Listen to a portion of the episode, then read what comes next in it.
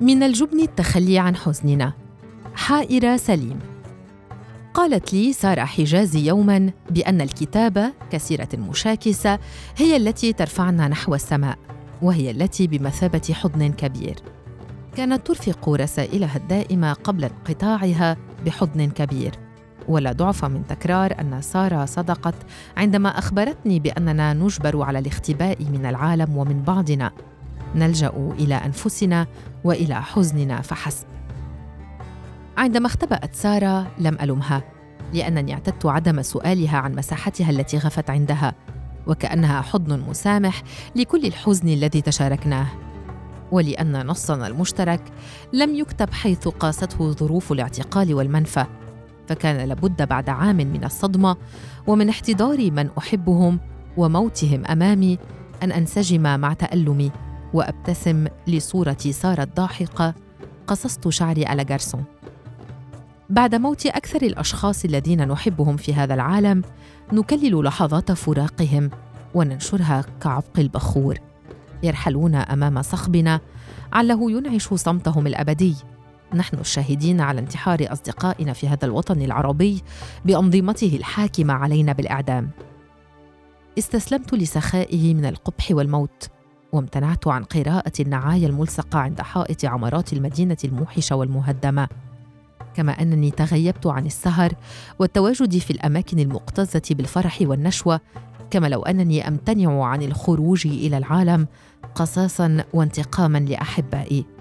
فأصبحت أخافه وأتجنب الشعور بالطمأنينة كي لا أحبط مجددا أو أخذل. أهزأ بتمارين طبيبة النفسيه التي كان هدفها تقبل موتهم وإنهاء حديث كانوا هم محوره باستبداله من خلال الاعتراف بعدم مسؤوليتي على رحيلهم مبكرا ومواجهة صورهم العالقة في ذاكرتي وكأنها وهم ممدد يجتذبني أكثر إلى قعره البائس فيفوت علي متعة العمر المتبقي لي. أكره استبعادهم حتى بعد رحيلهم من دون حقيقة أننا عشنا أشقياء بسبب حاجتنا الدائمة إلى استرجاع ولو بعض من طيفهم. أما أنا فأجدد شقائي كلما دخلت إلى محادثتي مع سارة لأسمع صوتها عبر تسجيل تخبرني فيه عن تعاستها اليومية التي تقترب من تعاستي. فأنظر إلى سماء من آمنت براحتها فوق وأنا التي لم أرى السماء قبل انتحارها. رهبة الموت تكمن في التخلي ولطالما شعرت بأن وجودي قرب من أحب لا شك في أنه سوف ينتشلهم من تلك الغصة العالقة في داخلهم حتى أراهم يشاقون آخر ما تيسر لهم من الحياة. كل هذا الخيال وكل هذه الهلوسة بالنجاة في رأسي فحسب. لعل قرب المسافة والتصاقي بهم يصعبان الرحيل ولا يؤجلانه. لا بد من التخلي والابتعاد. قبل تلك الرشفة وقبل تلك اللحظة الصارمة في إنهاء هذه المهمة وهي البقاء.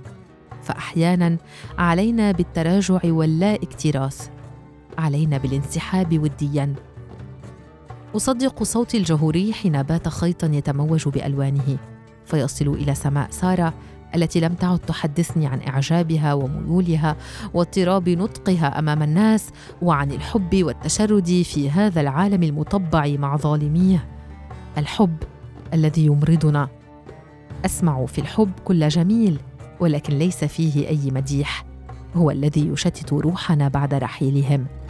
ليس في الحب أي مديح بعد موتهم وليس فيه أي معنى سام بعد كل هذا الألم والضياع.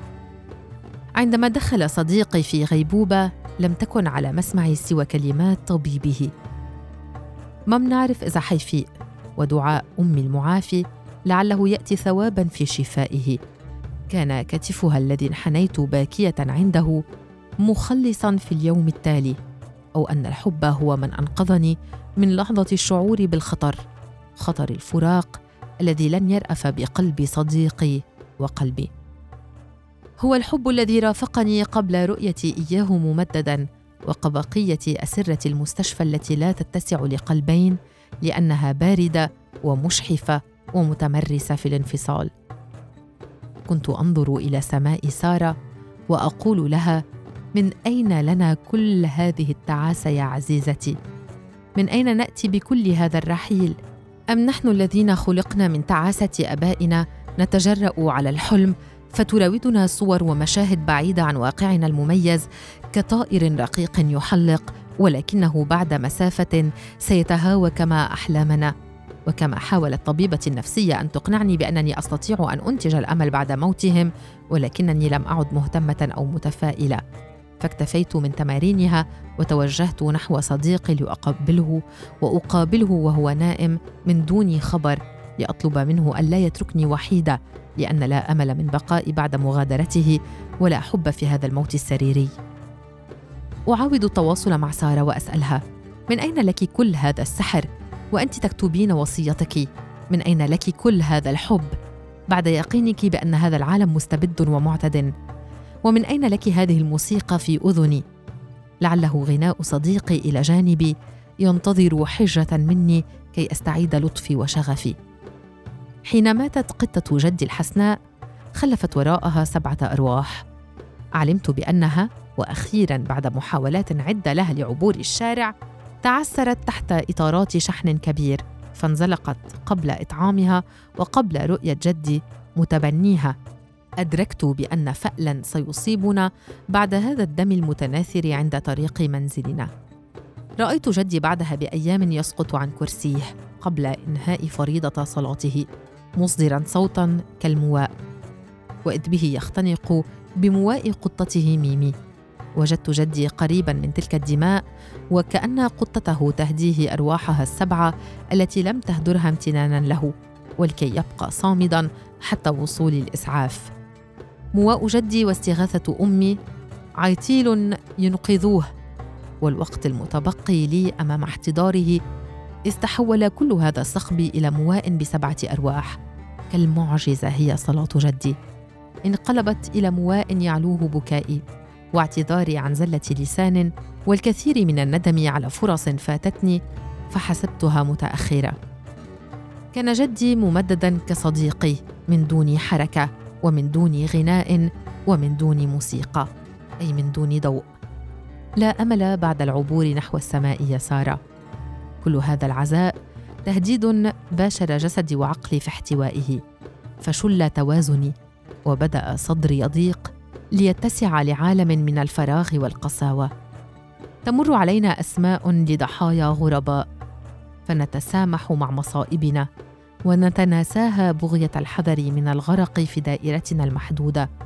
ولكن جل ما نخشاه هو حقيقتنا وصدقنا. والحقيقة أن لنا أسماء أيضا ولنا ذاكرة ولنا احداثا علينا بأن نحييها. لهذه الأسماء وجوه عانقتنا على الرغم من احتضارها. كانت ترانا كما لم يرأف بنا أحد وكانت ترعانا قبل رحيلها وتتصدق علينا برحمة الغياب.